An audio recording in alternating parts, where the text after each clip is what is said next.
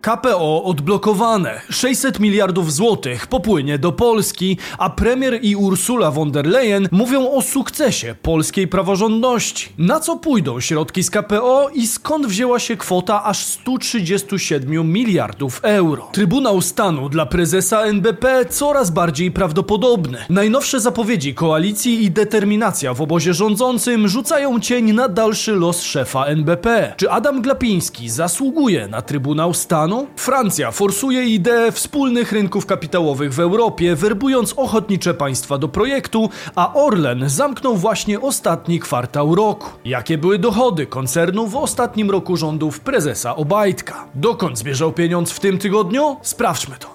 Bizweek. Cotygodniowy przegląd świata biznesu i finansów. Cześć, tutaj Damian Olszewski i witam Was serdecznie w programie Praktycznie o Pieniądzach i informacyjnej serii Bizweek, gdzie co tydzień otrzymujecie dawkę najważniejszych informacji ze świata biznesu i finansów. A w tym tygodniu, jak zwykle, działo się sporo. Standardowo proszę więc o niewielki kredyt zaufania w postaci łapki w górę i nie przedłużając, czas to pieniądz, więc Zaczynajmy. KPO odblokowane. Setki miliardów złotych popłyną do Polski. W piątek w Warszawie doszło do spotkania premiera Donalda Tuska z premierem Belgii Aleksandrem De Croo oraz przewodniczącą Komisji Europejskiej Ursulą von der Leyen. Po rozmowach pomiędzy politykami doszło do ogłoszenia oświadczeń dla prasy. Donald Tusk powiedział, że cieszy się, że poruszono ważne tematy dla Polski, takie jak sytuacja na granicy z Ukrainą, kondycja Ukrainy w wojnie z Rosją, czy sytuacja wewnątrz Europy. Ponadto premier wspomniał także o współpracy z szefową Komisji Europejskiej. Powiedział, że jej celem było, cytuję, przywrócenie rządów prawa i standardów demokratycznych w Polsce, tak żebyśmy poczuli się znowu wszyscy równoprawnymi uczestnikami tej wielkiej historii, jaką jest historia Europy ostatnich dziesięcioleci. Tak, ale mamy to. Słuchajcie, to jest na polskie, to jest 600 miliardów złotych. To są. Yy, to jest naprawdę góra pieniędzy, którą dobrze wykorzystamy i którą wykorzystamy też żeby rozładować to wszystko, co budzi dzisiaj takie napięcie i niepokoje. Następnie głos zabrała Ursula von der Leyen, która oświadczyła, że Komisja Europejska jest pod wrażeniem wysiłków Polski na rzecz przywrócenia praworządności oraz poinformowała o aktualnym statusie polskiego KPO. Mam dobre informacje. W przyszłym tygodniu zapadną dwie decyzje w sprawie funduszy europejskich, które obecnie zostały zablokowane dla Polski. Te decyzje uwolnią do 137 miliardów euro dla Polski. To środki z funduszu Next Generation oraz z funduszy spójności. Von der Leyen przekazała, że na spotkaniu w Warszawie poruszono także temat rolników w Europie. Podejmujemy działania, aby ułatwić życie rolników w całej Europie, przekonywała. Powinniśmy skoncentrować się na wspieraniu Ukrainy, na odbudowywaniu jej eksportu, oświadczyła przewodnicząca Komisji Europejskiej. Nieprzypadkowo pani przewodnicząca wspomniała o tych pierwszych szybkich płatnościach i wśród nich będzie półtora miliarda euro. Jeśli dobrze zrozumiałem, no to też na nasze no ponad 6 miliardów złotych, które bezpośrednio trafią do yy, małych, średnich producentów żywności. Niewątpliwie to jest najważniejsza informacja minionego tygodnia, czyli odblokowanie pieniędzy z KPO dla Polski. Mówimy przecież o setkach miliardów złotych. I, i mamy to. Wiecie, to jest. Yy, to jest naprawdę bardzo ważny dzień i trochę się wspólnie napracowaliśmy. Przede wszystkim Polki i Polacy. 15 października wybierając y, na nowo demokrację i rządy prawa, do tej pory Komisja Europejska odmawiała przekazania Polsce unijnej pomocy z Funduszu Odbudowy, aż do czasu spełnienia przez warszawski rząd szeregu warunków, które były określone jako kamienie milowe. Jednak czy Komisji Europejskiej i samej von der Leyen, której zależy na poparciu Donalda Tuska w sprawie jej reelekcji na stanowisko przewodniczącej Komisji Europejskiej, chodziło o kamienie milowe oraz przywrócenie praworządności? Nie trzeba być profesorem prawa, aby widzieć szereg wątpliwości prawnych związanych z poszczególnymi decyzjami rządu Donalda Tuska z ostatnich miesięcy. Nie trzeba być także profesorem politologii, aby zauważyć, że Brukseli chodziło przede wszystkim o zmianę rządu w Polsce z opcji eurorealistycznej i proatlantyckiej na rzecz opcji euroentuzjastycznej. Pytanie więc w jakiej formule i na co mamy otrzymać 137 miliardów euro od Unii? Środki, jakie otrzymamy z tytułu Krajowego Planu Odbudowy to razem około 60 miliardów euro. W skład tej kwoty wchodzi 25,25 miliardów miliarda euro w formie dotacji oraz 34,54 miliarda euro w postaci preferencyjnych pożyczek. W przybliżeniu daje to nam kwotę blisko 258 miliardów złotych. Ta kwota robi niemałe wrażenie i z pewnością przyda się naszej gospodarce w obecnym czasie, jednak należy też pamiętać, że około 58% całej sumy to preferencyjne pożyczki, które Polska będzie musiała oddać. Ponadto te środki mają zostać przekazane przede wszystkim na inwestycje w dwa sektory. Mowa o sektorze cyfryzacji oraz transformacji energetycznej. Cyfryzacja w tym scenariuszu ma pochłonąć 21,36% środków zarezerwowanych w całkowitym polskim KPO. Z kolei transformacja energetyczna aż 46,6%. Reszta środków będzie rozłożona m.in. na transport czy też służbę zdrowia. Takie będą zatem losy wspomnianych 60 miliardów euro z KPO. Jednak do wspomnianych 137 miliardów brakuje nam jeszcze ponad 77 miliardów euro. Ta kwota ma być jednak wpływem z innego tytułu, a mianowicie z tzw. Tak Funduszu Spójności, który przysługuje państwom członkowskim, w których dochód narodowy brutto na mieszkańca nie sięga 90% średniej unijnej. Polsce ma przypaść z tego tytułu aż 76,5 miliarda euro. Nie każdy może liczyć na taki zastrzyk gotówki w euro, ale niemal każdy może wysłać euro do pracy na dobrze oprocentowanym rachunku brokerskim. Bowiem partner kanału Freedom24 wciąż proponuje zwrot do 6,37% rocznie dla depozytów w euro i do 8,75% w dolarze w produktach na 3 do 12 miesięcy. Oprocentowanie może się zmieniać w czasie, bo jest zależne od stóp procentowych w USA i Europie, dlatego warto zarezerwować obecne warunki już teraz. Zwłaszcza jeśli podobnie jak ja nie znaleźliście w bankach ciekawszej oferty w walutach obcych. Sam trzymam u nich własną rezerwę walutową w euro, korzystając z rachunku z dzienną kapitalizacją, jak i z długoterminowych produktów ze stałym oprocentowaniem. Co ważne, Freedom24 to europejska spółka córka dużej grupy holdingowej Freedom Holding Corp, notowanej na amerykańskim Nasdaqu, przez co zapewnia dostęp do narzędzi inwestycyjnych na różnych kontynentach. Z kolei środki zabezpieczone są przez tzw. Tak Investor Compensation Fund. Szczegóły znajdziecie pod linkiem w opisie filmu, a w przypiętym komentarzu odpowiedzi na najważniejsze pytania. Pamiętajcie, aby użyć właśnie tego linka, bo tylko on uprawnia do ciekawych promocji wyłącznie dla bizonów. A następna już w marcu. Ile zarobił Orlen w 2023?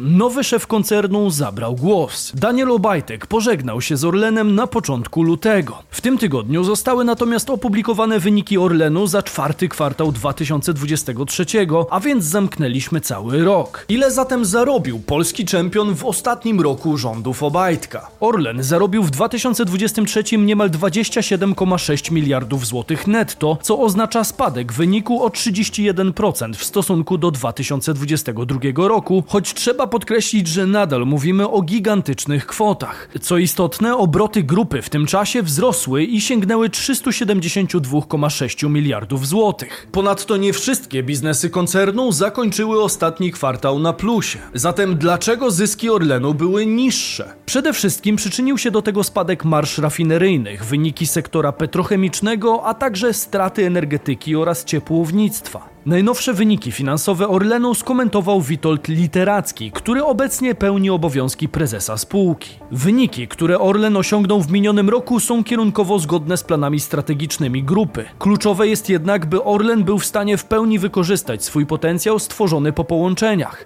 Szczególnie ważna jest realizacja projektów wspierających przyszłość grupy i jej transformację. Już teraz dysponujemy mocami OZE na poziomie blisko 1 gigawata, które będą stale się zwiększać poprzez instalacje i nowe procesy akwizycyjne. Inwestujemy też w wydobycie węglowodorów oraz obszar rafineryjno-petrochemiczny. Co ważne, planowane nakłady inwestycyjne Orlenu naprawdę robią wrażenie. W 2024 roku Orlen ma zainwestować ponad 38 miliardów złotych, z czego blisko 28 miliardów przeznaczone zostanie na inwestycje rozwojowe. Literacki dodał także, że musimy zrealizować te plany w najbardziej efektywny sposób, dlatego bardzo ważny będzie wybór projektów generujących najwyższe zwroty i z najlepszymi perspektywami dla naszych akcjonariuszy. Warto również zaznaczyć, że w 2024 2023 roku na realizację strategicznych projektów inwestycyjnych Orlen przeznaczył już rekordowe 32,4 miliarda złotych, co także miało wpływ na ostateczny wynik dochodowy całej grupy.